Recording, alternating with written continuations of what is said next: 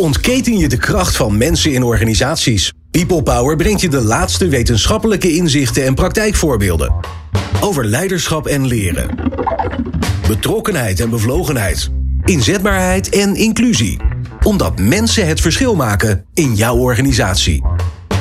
People Power met Glenn van der Burg. Een leven lang leren is van groot belang voor organisaties. Evident toch? Maar kun je daarmee volstaan? Is het belang zo overduidelijk dat je er geen visie op hoeft te hebben? Zoals het belang van een boekhouding of management. Waarom is er een visie op leren en ontwikkelen nodig? Waarom is dat een must? Welk beleid leidt tot een lerende organisatie? En hoe zorg je bij collega's voor de motivatie om überhaupt te leren? Ik vraag het aan Jozef Kessels. Hij is emeritus hoogleraar Human Resource Development. En Tom Bos, algemeen directeur van Online Academy. Fijn dat je luistert naar People Power. People Power met Glenn van den Burg. Jozef Kessels en, uh, Tom Bos in de studio. Fijn dat jullie uh, er zijn. Ja, Jozef, je hebt, je hebt al een keer een, uh, een korte optreden gehad in, in, People Power. En dat smaakte zo naar meer dat we dachten, we gaan gewoon een uur voor je vrijmaken. bijzonder fijn dat je er bent. Um, ja, het gevaar is nu, hè, dat is altijd de, de, de curse of knowledge, dat we, dat we stappen over gaan slaan. Dus ik begin even bij het begin. Een leven lang leren, daar hebben we het met elkaar over. Wat is dat eigenlijk? Wat versta jij eronder, Jozef? Nou, een leven lang leren is eigenlijk de gedachte dat uh, zodra je je schoolopleiding afgerond hebt, dat je een baan hebt, dat je eigenlijk je hele leven lang bezig zult blijven om nieuwe informatie op te doen, nieuwe bekwaamheden te ontwikkelen. Uh, het vermogen om aan te passen aan andere omstandigheden. Um, de uitnodiging om slimmer te worden. Oké, okay, ja. En, en, en, en, maar voordat we daarheen gaan, Tom, hoe zie jij dat? Je bent, heb je precies dezelfde beeld erop? Ja, zo ongeveer hetzelfde. Zeker weten. Ja, er zit, kijk, de, de, belangrijkste noodzaak waarom dat dan nu meer in de aandacht is, hè, want dat is natuurlijk waarom wij het er ook over hebben, is dat het wat uh, vlotter gaat. Dus uh, kennis veroudert wat sneller, banen verdwijnen wat sneller dan anders, banen verschijnen ook wat sneller dan anders. Dus er is volgens mij ja, een stuk meer noodzaak om jezelf, uh, om jezelf te blijven ontwikkelen. Ja. En ja, leven lang leren is dan een soort van de notie inderdaad van het, het, het, stopt niet meer, dus ga er maar vanuit dat het blijft, zeg maar zo. Ja. ja. En nou hangt daar een beetje een soort um, grijze, grijze sluier overheen. Als je tegen de gemiddelde mens zegt, nou een leven lang leren, dan, dan, dan gaat hij niet staan juichen. Nee. Jozef, hoe komt dat nou? Um, het is natuurlijk ook een, um, een vaag begrip. en vergeet ook niet dat heel veel mensen geen leuke ervaringen met leren hebben. Uh, ik heb veel met laag opgeleide mensen gewerkt.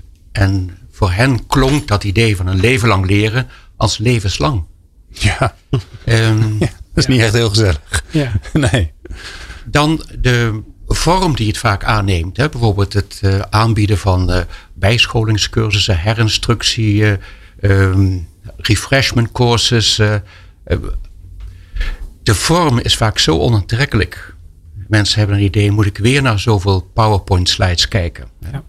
Um, dus als we al mensen zover krijgen om eraan deel te nemen, dan is het niet altijd aantrekkelijk. Nee, eigenlijk worden ze bevestigd in, in het beeld wat ze hadden. Leren is eigenlijk helemaal niet leuk. Van de andere kant zijn er ook, ook grote groepen mensen die uh, zelf een initiatief nemen, aan projecten werken, uh, met nieuwe zaken in aanraking komen, nieuwsgierig zijn. En daar gaat het als een speer. Daar is het niet aan te slepen. En een heel interessant uh, fenomeen op het ogenblik is dat um, voor organisaties die echt op zoek zijn naar slimme, talentvolle mensen, die ondernemend zijn, daar is het, het, de mogelijkheid om een leven lang te leren en ontwikkelen, wordt daar haast een soort secundaire arbeidsvoorwaarde. Als jij mij niet biedt, de mogelijkheid biedt om bij te blijven, dan gaat mijn verdienvermogen in een paar jaar verloren en dan moet ja. ik niet bij jou zijn. Dus ik kom alleen maar als ik ook de kans krijg om aan mijn eigen ontwikkeling te werken. Ja. En um, ja, daar spreekt zo'n gedrevenheid uit. Um, maar dat is natuurlijk bij een beperkte groep. En dat zou ik ook heel graag bij een veel bredere groep uh, willen aanwakkeren. Ja. Nou word je geen emeritus hoogleraar op je 22ste. Dus je, je bent al ietsje ouder dan dat. Uh, je hebt al een, een prachtige staat van dienst in deze wereld. Dus je kunt ook een beetje terugkijken en daar kunnen we hopelijk een beetje hoop uithalen. is daar nou wat in veranderd in die, in die marketing van dat leren? Eigenlijk dat, ja, dat leuk maken van leren, mensen interesseren voor leren, dat ze ja, door het anders te noemen, dat, dat er andere taal ontstaat. Wat is daarin gebeurd die afgelopen jaren? Nou, het begrip een leven lang leren heeft ehm, de laatste tijd weer opnieuw belangstelling gekregen. Maar toen ik begon met studeren in de zestiger jaren, toen deed dat begrip uh, education permanente ineens een intrede. En dat was, kwam eigenlijk voort uit de gedachte, uh, behalve financieel kapitaal en grondstoffen en uh, machines heb je ook human capital. En daar heb je alleen maar iets aan als je dat ook voortdurend blijft ontwikkelen. Dat was ook de tijd van de bedrijfsscholen en dergelijke. Dat was wel in orde. Maar die, daar kwam ook iets bij van als mensen zelf niet het initiatief nemen en uh, de regie nemen over het leren, dan wordt het niks. En dat is natuurlijk, het heeft ook, het heeft ook iets met een politiek standpunt te maken. Het gaat over de emancipatie van, uh, van medewerkers. Ja. Daar is het bedrijfsleven natuurlijk een lange tijd huiverig voor geweest. Dat zijn zaken die nu langzamerhand weer terugkeren in het pleidooi van zelfsturing, initiatief nemen, uh, ondernemer zijn van je eigen talent. En ik denk dat dat ook een reden is waarom het nu weer breed opgepakt wordt. Maar er staan natuurlijk ook een hoop dingen te gebeuren. Uh, waarvoor, als we, de, als, we het, als we daar niet mensen bij helpen, dat ze gewoon de, de nieuwe arbeidsongeschikten zijn over een tijdje. Ja. Dan zitten we echt met een groot probleem. Als we nou, want we zitten in een bijzondere tijd met z'n allen, daar hoeven we niet ingewikkeld over te doen, daar gaan we ook niet heel lang over praten. Maar zo'n bijzondere tijd zorgt er ook weer voor dat dingen helderder of scherper worden of dat er weer nieuwe inzichten ontstaan. Um, Joost, als jij nou kijkt naar, die, naar corona en wat dat gedaan heeft met, met leren van mensen en het aanpassen en, nieuwe, nieuwe skills, nieuwe vaardigheden ontwikkelen. Wat, wat kunnen we leren van deze periode? Ja.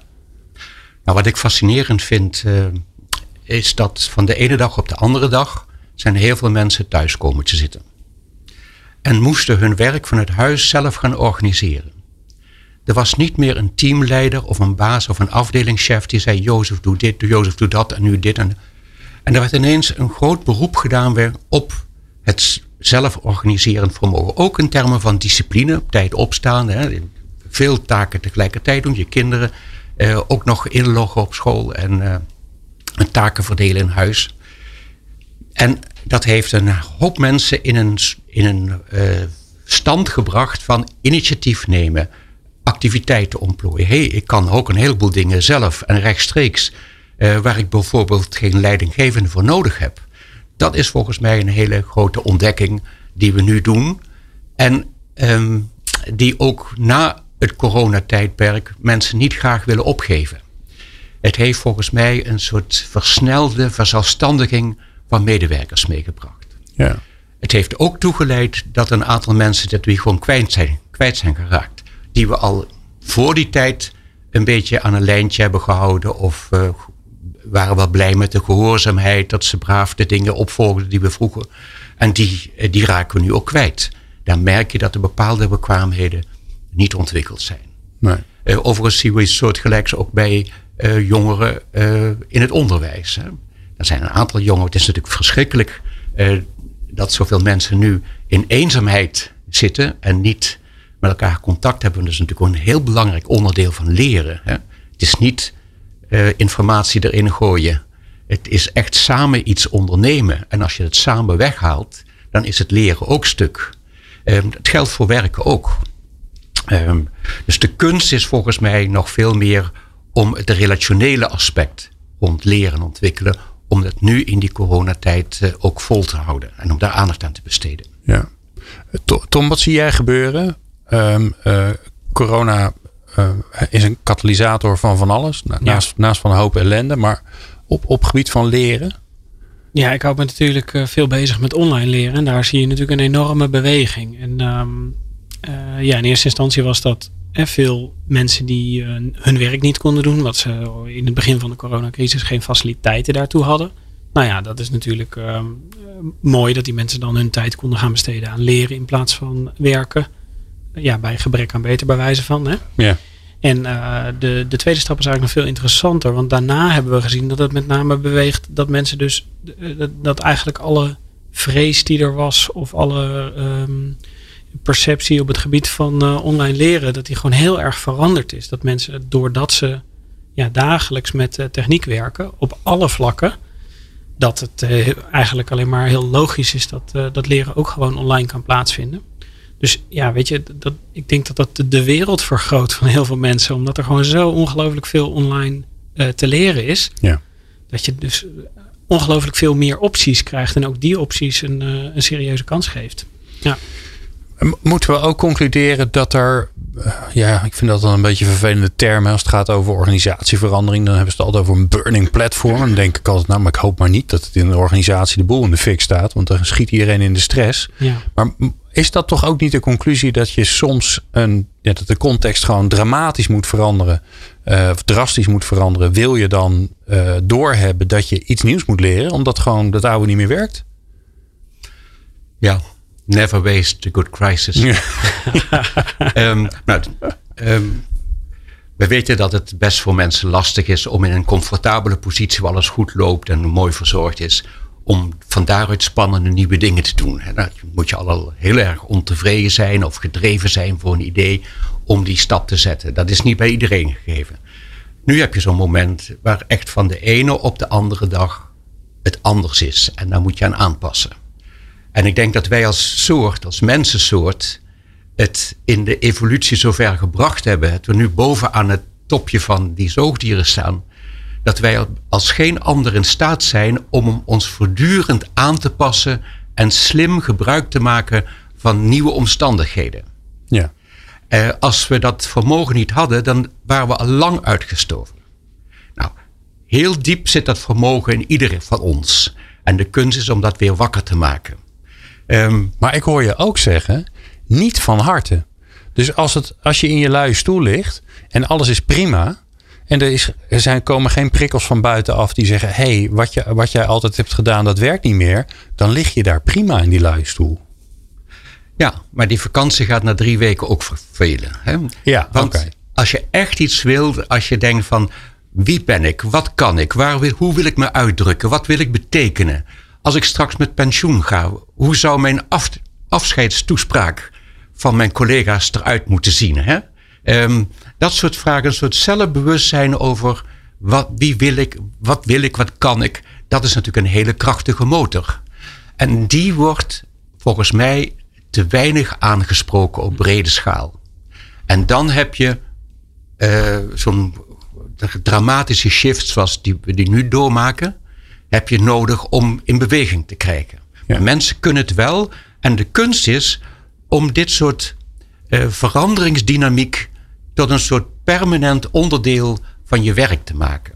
Misschien is de ene daar beter toe in staat. Iemand, er zijn mensen die gedijen heel goed in een omgeving van uh, creatieve onrust. Hè. Die zoeken dat ook op. Die vinden het ook prettig om met collega's te werken waar, waar het spettert en spannend is.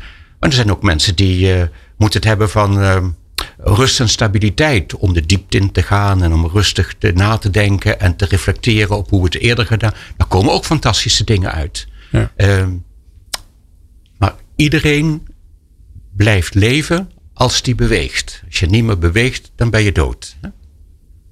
Ja, de, de grote vraag die er een beetje achter zit is natuurlijk, uh, ja, willen wij als soort, hè, de mensensoort, willen wij eigenlijk wel leren? Is dat eigenlijk wel een primaire drijfveer voor onszelf? En, en geldt dat dan voor iedereen? Um, ik ben daar heel duidelijk in. Oké. Okay. Um, wij zijn geboren om te leren. En als we niet leren, dan wordt het niks. Dat zit er gewoon diep in gebakken.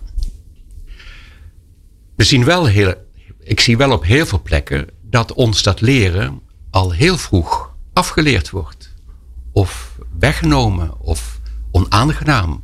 Of het wordt onveilig gemaakt. Of dat je dingen moet doen die niet bij je passen. En dat is wat we ook wel noemen, we zien het ook terug in onderzoek, dat er uh, grote groepen mensen gedurende met name het formele onderwijs een negatieve leeridentiteit ontwikkelen. Hm. Een opvatting over zichzelf, leren is niks voor mij ik hou niet van boeken. Ik kan niet tegen zitten, stilzitten. Ik heb geen zitvlees. Hè? Ik moet met mijn handen kunnen werken. En um, ik heb natuurlijk altijd met volwassenen gewerkt. zei ook dat ik uh, veel ervaring heb met laag opgeleide volwassenen. Mensen met weinig scholing, functioneel analfabeten. En zo gauw hun gedachte bij leren kwam, kwam dat oude beeld van faalervaringen, niet prettig vinden, uitgesloten worden, de mindere zijn, de domme jongen zijn, het domme meisje zijn, ehm, kwam weer terug. En dan raken ze in paniek. Ik, ik kan niet leren. En dan gaan alle deuren dicht. En ehm, dat is, ik heb dat als een belangrijke taak in mijn werk gevonden. Om mensen weer terug te brengen in dat plezier van leren, opleiden, ontwikkelen. Maar ja, ik heb natuurlijk ook een belangrijke boodschap voor mijn collega's die zich met het formele onderwijs bezighouden. Stop alsjeblieft met uh, mensen het leren teken te maken. Ja, maar dan hoeft er ook achteraf niet meer zoveel werk aan besteed te worden. uh, waar ik straks heel erg geïnteresseerd in ben, is ja, hoe zorg je er dan voor dat iemand die denkt, ja, leren is niks voor mij, dat hij toch weer die motivatie vindt? Want daar zitten waarschijnlijk prachtige wijsheden achter. En dat hoor je zo. Experts en wetenschappers over de kracht van mensen in organisaties. People Power. Jozef Kessels en Tom Bos in de studio. Uh, praten over een leven lang leren. En daar mogen we even bespiegelend en uh, licht filosofisch over nadenken. En natuurlijk kunnen we bogen op de uitgebreide ervaring van Jozef Kessels. Um, ja, Jozef, je zei het net al heel erg mooi. Hè? Ik zie het als mijn, mijn taak, mijn, uh, uh, mijn missie om ervoor te zorgen dat mensen die, ja, die die negatieve leerervaringen hebben gehad, die dat negatieve beeld hebben voor zichzelf over leren, om daar wat aan te doen. Ja, dan kom je natuurlijk bij motivatie uit. En uh, ja, hoe mooier dan te kijken naar iemand die zijn motivatie kwijt is en om te kijken hoe krijg je die dan weer terug. Dus ja, waar ligt die sleutel dan? Um, de sleutel, die vind je door ernaar te vragen. Um, ik heb natuurlijk heel veel programma's gemaakt, ook um, technische programma's voor jonge machinisten die opgeleid zouden worden tot, uh, opgeleid werden tot machinist. Ik heb nachtdiensten, om dat te begrijpen, heb ik nachtdiensten meegedraaid op het rangeerterrein in, uh, in Rotterdam. en dan stel je zo'n vraag van uh, wat is er leuk aan dit werk? En dan zegt zo'n jongen tegen mij, dat op zo'n ontzettend grote locomotief, om die in beweging te krijgen en weten dat je zoveel ton achter je hebt, daar doe ik het echt voor. En dat is natuurlijk een opmerking waar je niet veel aan hebt, maar het geeft wel iets aan van waar ligt, je trots en je enthousiasme. En dan vraag je van, uh, hoeveel power heeft dit ding waar we nu op zitten? Nou, en dan komt er een heel verhaal. Ik zeg, hoe weet je dat? Uh, nou, dat zoek je natuurlijk op. Hè? Als je daar, uh, want ik wil er wel goed mee kunnen rijden. Want als het ding eenmaal rijdt, moet je ook zorgen dat je op tijd stop staat. Hè? En um, dan zie je dat daar een, een fantastische drijfveer ligt voor dat vak. En daar ligt ook het aanknopingspunt van straks komt er een nieuwe locomotief. Of je gaat op de vrije baan rijden. Waar komen er een heleboel extra veiligheidsvoorschriften bij. Je moet je certificaat halen om met reizigers te kunnen reizen. Uh, wat heb je daarvoor nodig? Uh, je merkt ook in de manier waarop ik het benader. Uh, mijn vertrekpunt is echt die lerende en niet de leerstof. Aha. Of het exameneisen of de, eind, de eindtermen. Dat is zo'n standaard opvatting van dit moet je doen om je die diploma te halen. En uh, zo verlies je mensen. Ja. Ben je dat altijd? Ging je altijd eerst met, met de lerende, met de doelgroep zelf in gesprek met ze mee, kijken waar het zat, waar die, waar die motivatie, die trots zat? Uh, om te snappen, uh, want het is werk wat ik zelf niet, niet kan of niet zou doen. het eerste instructiefilmpje wat ik maakte was voor de opleiding van verpleegkundigen. En um, ik liep in een Rotterdam ziekenhuis Ehm, met een paar jonge mensen die uh, in opleiding waren. En ik moest een filmpje maken over het wassen van een patiënt. En zei, uh, ik vroeg aan het meisje waarmee ik meeliep. En dan zei ik, uh, van, uh, wat is daar lastig aan? Aan het wassen van een patiënt. Want we gaan er een filmpje over maken. En toen zei ik, nou, ehm, of eerst had ik met de docent verpleegkunde. En die zei zoiets van een, ja, die neemt een kom met lauw warm water en een wit washandje en een witte handdoek voor het uh, bovenlichaam en het hoofd. En een blauwe handdoek en een blauw washandje voor het onderlichaam en de, en de extremiteiten. Ehm, het is een heel logisch technisch verhaal. Hè? Je vraagt je natuurlijk af, wat zijn de extremiteiten? Ja. Maar dat zijn dan je handen en je voeten. Oké. Maar ik liep ook met zo'n jonge verpleegkundige eh, op de zaal. En toen zei ik van, eh, we gaan een filmpje maken over eh verbassen van een patiënt. Wat is daar lastig aan? En dan zei ze, nou, dat of, op zich dat wassen, dat valt wel mee. Dat heb je vrij snel onder de knie. Maar wat ik nog steeds moeilijk vind, is als ik 's ochtends een kamer binnenkomt en er ligt een dooie. Nou, En dan voel je in één keer, dat is een heel ander verhaal dan het blauwe washandje en een wit washandje. ja, ja. Of een jongen die zei tegen mij, dat die technische bekwaamheden, die heb je wel vrij snel onder de knie. Maar wat ik nog steeds moeilijk vind, als ik een meneer of mevrouw moet wassen, die lijkt op mijn vader of mijn moeder. Oh ja. Ja. En dan kom je ineens in een volkomen andere wereld. En toen dacht ik, dat is dus ook het aangrijpingspunt. Als we niet een veilig leerklimaat creëren rond deze dingen, kunnen het met die technische instrumentele bekwaamheden wel schudden. ja. Dat, dat zijn dus hele vroege ervaringen. Ik was zelf eh, 24 toen ik dat eerste filmpje maakte. Maar je merkt, ik, het, het voorbeeld zit nog helemaal voorin mijn hoofd. Ja, prachtig. Ja. Ehm, en dat vind ik bij heel veel trajecten vind ik dat terug. En het is fantastisch om daar ook naar te vragen. Ja. Tom, hoe, hoe, doe jij dat? Want jullie maken met Online Academy natuurlijk generieke Ja, opleidingen, Ja. generieke modules. Juist, ja. Dan kan je niet aan iedereen vragen wat ze ermee willen, waar, waar het zou moeten beginnen. Nee, wij pakken precies die, eh, die washandjes aan, zeg maar, natuurlijk, uiteindelijk. Maar kijk, er zijn, er zijn twee dingen eigenlijk. De eerste is, die vraag, die kun je altijd stellen. Dus eh, ook in, eh, in online content kan ik jou natuurlijk vragen van wat beweegt jou om, om dit te doen?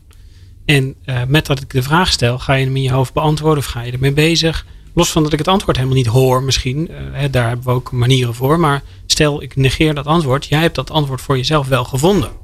En als we vervolgens zeggen, ga vanuit die eh gedachte verder met eh, vraag X of Y of op de, dan, zit, dan, is, dan is dat dus je denkkader. En dat doen wij heel veel. Eh, werken met je eigen casuïstiek, werken met, met dus je, je eigen context, betrekken van collega's om je heen, om te zorgen dat je dus die content gaat interpreteren. En wij hebben hier natuurlijk heel, heel erg hard de werkgever bij nodig, zeg maar, om die vertaling te maken. Ja.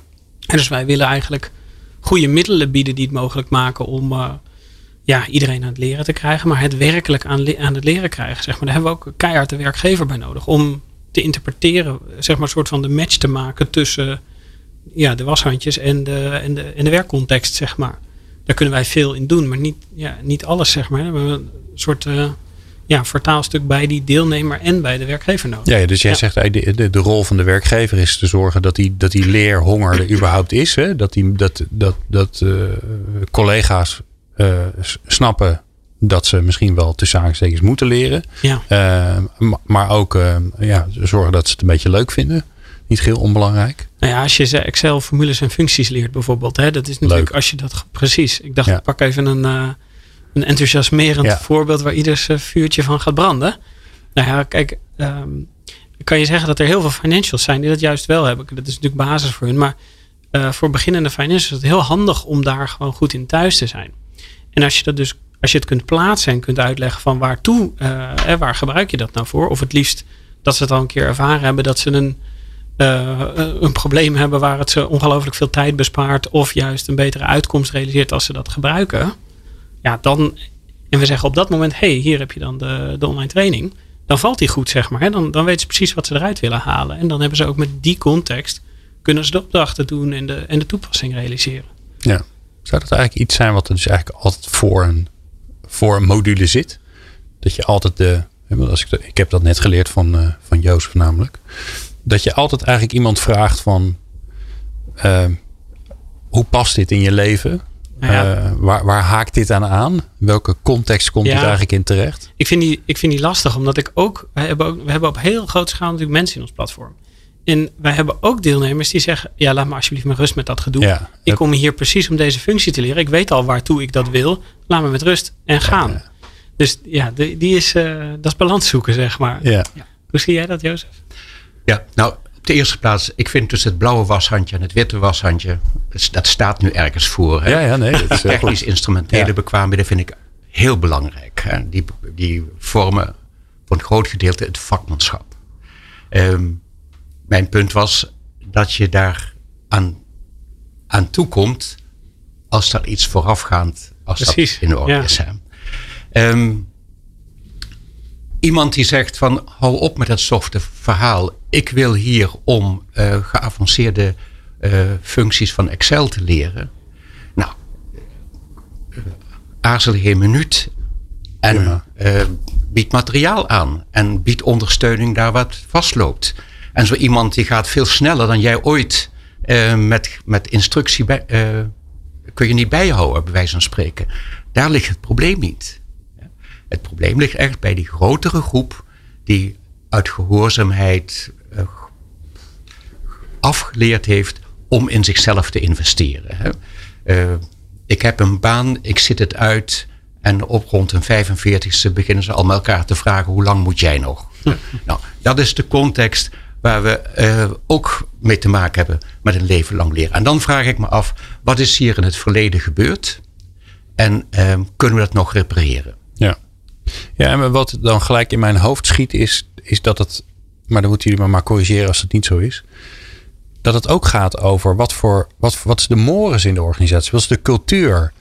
Wat vinden de mensen normaal? Ik bedoel, als ik, als ik mensen om me heen, uh, als verpleegkundige, als ik mensen om me heen uh, nieuwe dingen zie uitproberen en leren en, uh, en aan elkaar vragen, dan ga ik dat ook doen. Want dat is blijkbaar normaal hier. Zo'n soort lerende houding. Hoe, belangrijk is dat, dat dat er is, Jozef? Um, het wordt een stuk makkelijker als je in een werkomgeving participeert waar collega's nieuwsgierig zijn. Waar regelmatig over nieuwe ontwikkelingen gesproken wordt. Waar het niet gek is als iemand een krantenartikel erbij haalt en zegt: Moet je kijken wat ze uh, over onze concurrenten zeggen. Um, hoe kunnen we dat voorkomen? Dat dat ons had gebeurd? Hoe zit het bij ons? Hè? Um, dat is het begin van een soort inquisitive mind. Hè? Een soort um, nieuwsgierig gedrevenheid. Daar is het ook fantastisch om als jonge collega bij te komen. Um, dan is het ook moeilijker om af te haken en niet meer mee te doen. Want je wordt erbij gesleept. Je, wordt, je bent ook minder aantrekkelijk voor je collega's als je niet participeert. Ja. Nou, dat is een stimulerende uh, leeromgeving die ik heel veel mensen zou willen toewensen. En als je dat hebt, heb je dan een lerende organisatie of is daar meer voor nodig? Um, het begint waarschijnlijk met kleine uh, kernen van lerende teams. Hè? Je gelijkgestemden die samen aan een lastig vraagstuk werken en het niet loslaten voordat ze het opgepakt hebben. Um, als zich dat uitbreidt, bijvoorbeeld een team wat op die manier heel sterk werkt, gaat zich ook bemoeien met omliggende teams. Die zeggen van als jullie het zo aanpakken, is het voor ons wat makkelijker. En je hebt er zelf ook meer plezier aan. Of kijk eens hoe zij dat daar doen. Um, en dat, dat spreidt zich uh, bij wijze van spreken horizontaal uit in een organisatie. En teams die dat gewend zijn, die gaan zich ook bemoeien met de vraag van waarom doen we dit eigenlijk? En dan wordt het spannend. Want dan krijg je te maken met leidinggevende, je krijgt te maken met beleid. En als je dan een paar keer de tik op de neus krijgt in de zin van daar ga jij niet over, dan dooft het uit. En het kan uitmonden in een soort cynisme, dat mensen zich weer opsluiten. Ja. Zegt de leidinggevende van uh, wat interessant uh, dat jullie daarmee bezig zijn, bezig zijn. Wat raden jullie ons aan om hier een stap verder in te zetten? Of heb je idee uh, wie ons daarbij zou kunnen helpen? Of um, zou, zou er iemand van jullie eens op verkenning willen uitgaan wat ons te wachten staat? Als dat onderdeel wordt van hoe mensen samenwerken, dan kom je heel dichtbij wat, wat we zouden kunnen noemen een lerende organisatie. Ja, ja dus dat is en die, die soort van cultuur die er is, omdat mensen zo met elkaar omgaan. Maar ik hoor je ook zeggen, het is ook dat, de, dat er vanuit de leidinggevende het wordt gestimuleerd. Want er kan natuurlijk heel veel gewoon onder de radar eh, bloeien en groeien. Maar het gaat er uiteindelijk ook nog om dat, dat je het gaat stimuleren. Anders ben je er nog niet. Ik heb uh, gewerkt voor een organisatie die uh, fantastische dingen deed in de high-tech. Ehm, en er was een bepaalde afdeling, daar kwam de ene innovatie naar de andere kwam eruit. En daar was ook de kurk waar die organisatie op dreef. Verder waren grote afdelingen van onderhoud en uh, de meer klassieke uh, productieafdelingen. En ik vroeg aan de teamleider van die hele innovatieve club. Ik zeg, um, ik zei, um, Vincent, hoe komt het toch dat jouw club het zo fantastisch doet? En toen zei hij, nou, ze doen het gewoon. Ik zeg, maar jij maakt het waarschijnlijk toch mogelijk. Ja, zegt hij, ik weet het niet precies. Ja, wat ik wel doe, is dat ik vaak om ze heen moet gaan staan.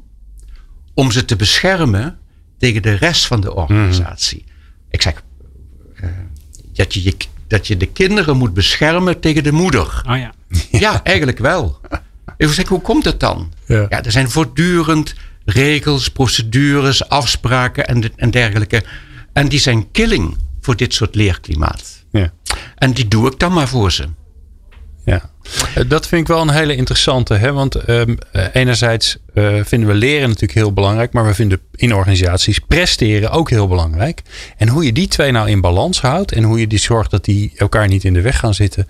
Dat uh, gaan we zo uh, het over hebben. Dus dat hoor je straks. Leiderschap, leren, inzetbaarheid en inclusie. De laatste inzichten hoor je in People Power.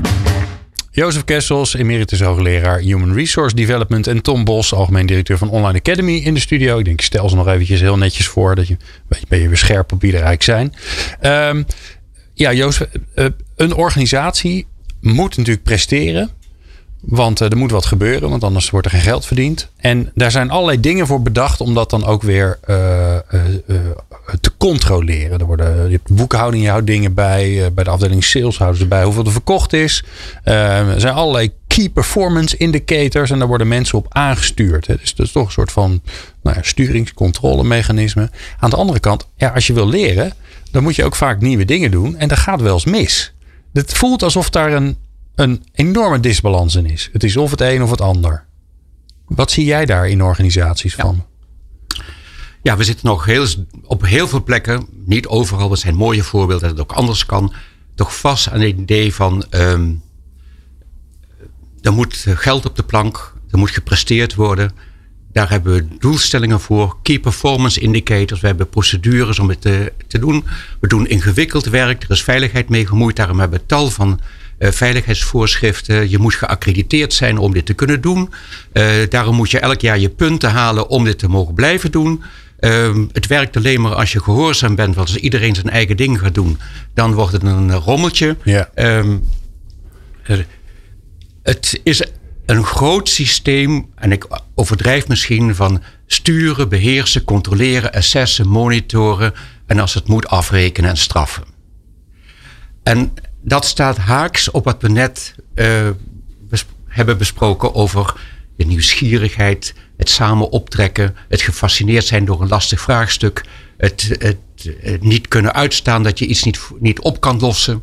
Uh, die gedrevenheid, uh, dat heeft met leren te maken. En zolang we aan de ene kant vast blijven houden aan dat sturings, het aansturingsprincipe, is natuurlijk een verschrikkelijk woord. Ja. Hè? ja. maar veel mensen vinden het echt uh, vanzelfsprekend dat ze kunnen zeggen: ik stuur 30 mensen aan. Ja. Um, of ik heb uh, zoveel mensen onder mij. Nou, ik wil niet gemanaged worden. Nee, ik wil ook niet onder iemand staan. dus, dat, en we hebben uh, iets gecreëerd waardoor we dat gewoon zijn gaan vinden. Nou, ja.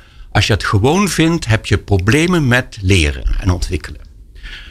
Um, Oké, Punt. Ja. Oftewel, als je op zo'n manier je organisatie in elkaar zit. En je gaat vervolgens aan de andere kant heel hard werken om mensen te motiveren om te laten leren. En je hebt allemaal mooie portals en, en je doet zaken met Tom. Nou, dan weet je, dan komt alles goed. uh, um, dan ben je eigenlijk aan de, verkeer, aan de verkeerde kant aan het draaien. Dan moet je, je moet eerst dan wat doen aan die controle, sturingsfetish die we met, met z'n allen hebben. Ja. Kijk, die mooie voorzieningen die we hebben uh, in het HR-beleid en de de, de faciliteiten om mooie cursussen uh, bij prestigieuze instituten te volgen, die worden op een gegeven moment het voertuig om weg te komen. En als het vaak, ja, want op zo'n plek waar alsmaar gestuurd en beheerst en gecontroleerd wordt, weet je gewoon niet zitten. Nee. Nou, wat fijn dat ze me de mogelijkheid bieden om hier zo snel mogelijk weg te komen.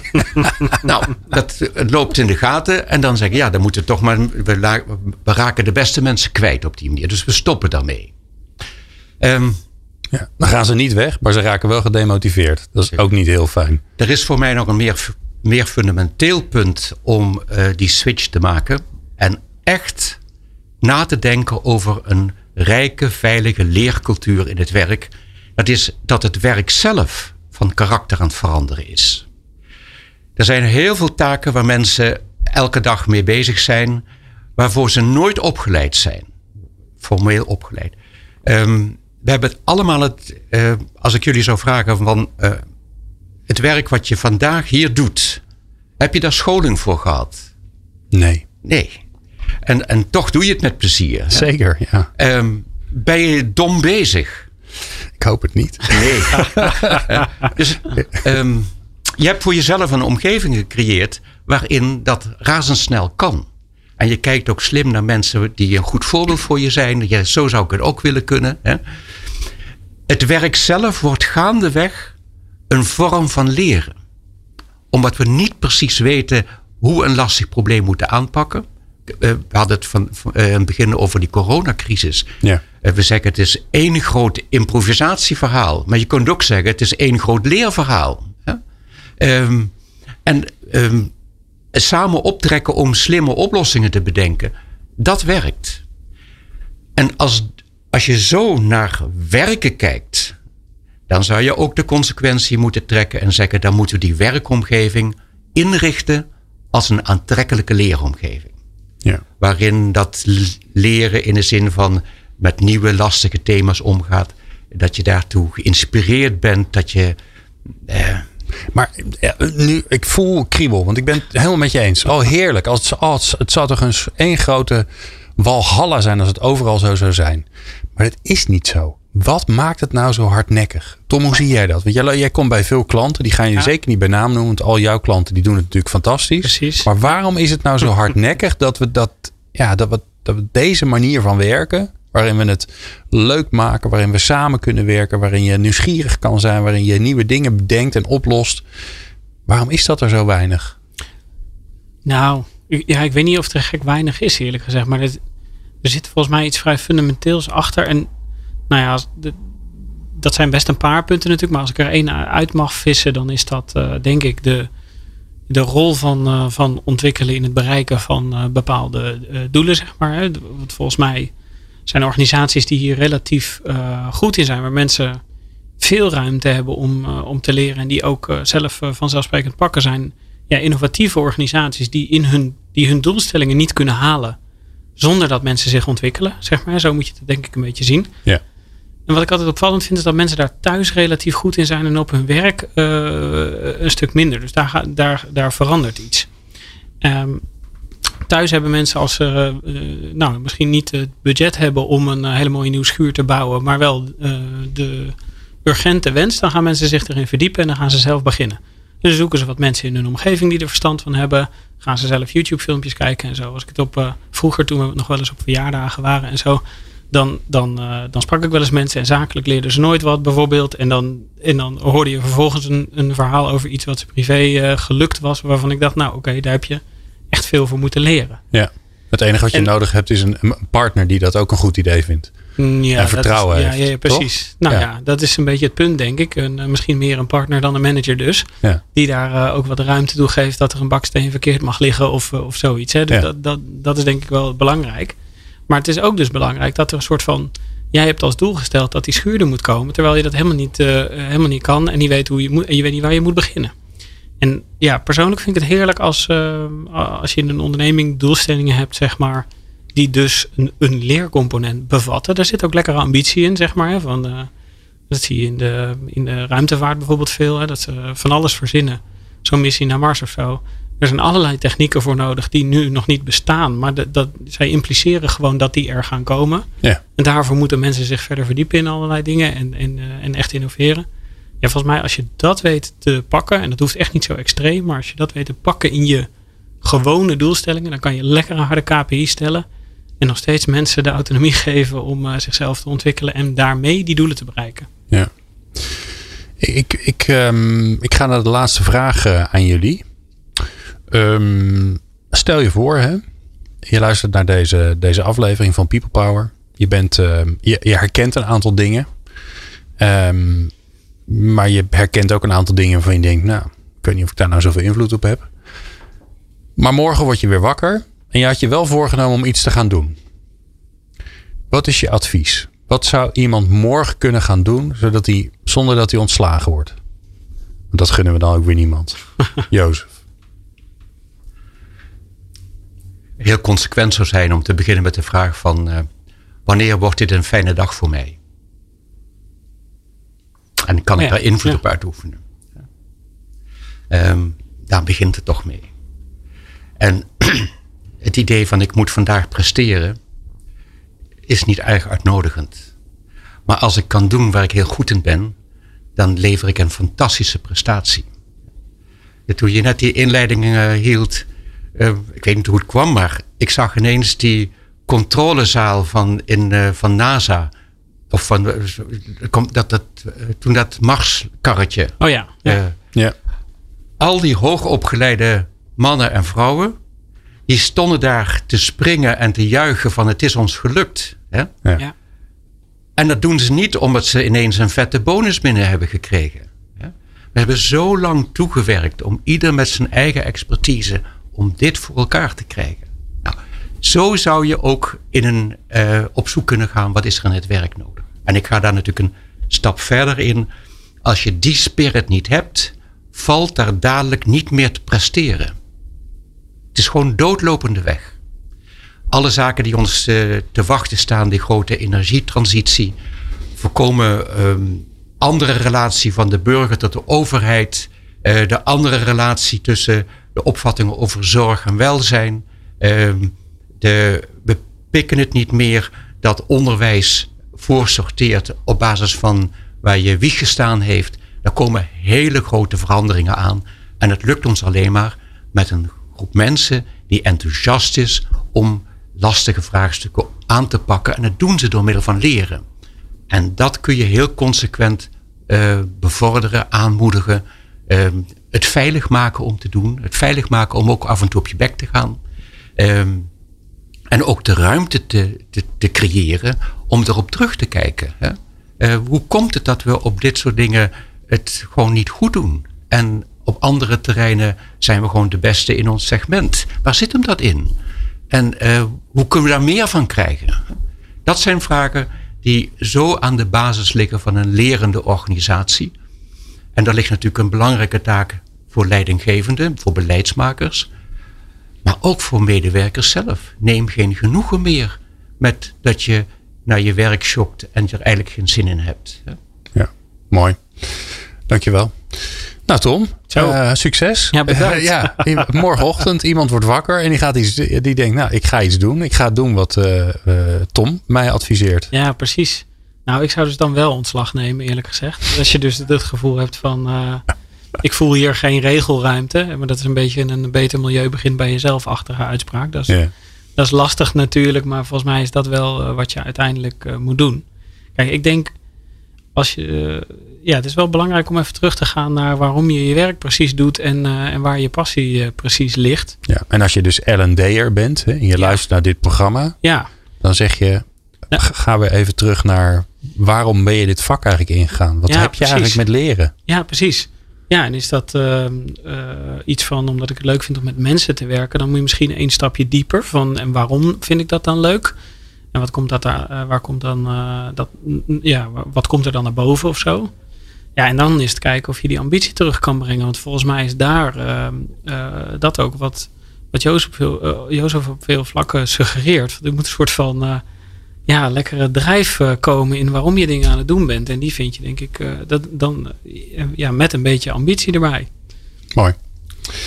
Ik dank jullie zeer. Uh, Jozef Kessels, emeritus hoogleraar Human Resource Development. En Tom Bos, algemeen directeur van Online Academy. Het was bijzonder fijn met jullie te praten. Eens gelijks. Um, ja, natuurlijk bijzonder bedankt voor het luisteren. Uh, als je deze aflevering nou interessant vond, en ik kan me eigenlijk bijna niet voorstellen waarom niet, maar je weet maar nooit, um, dan kun je ons helpen bij het verspreiden van onze podcast. Geef ons dan vijf sterren op Apple Podcast of volg ons op Spotify of doe ergens een like of een duimpje.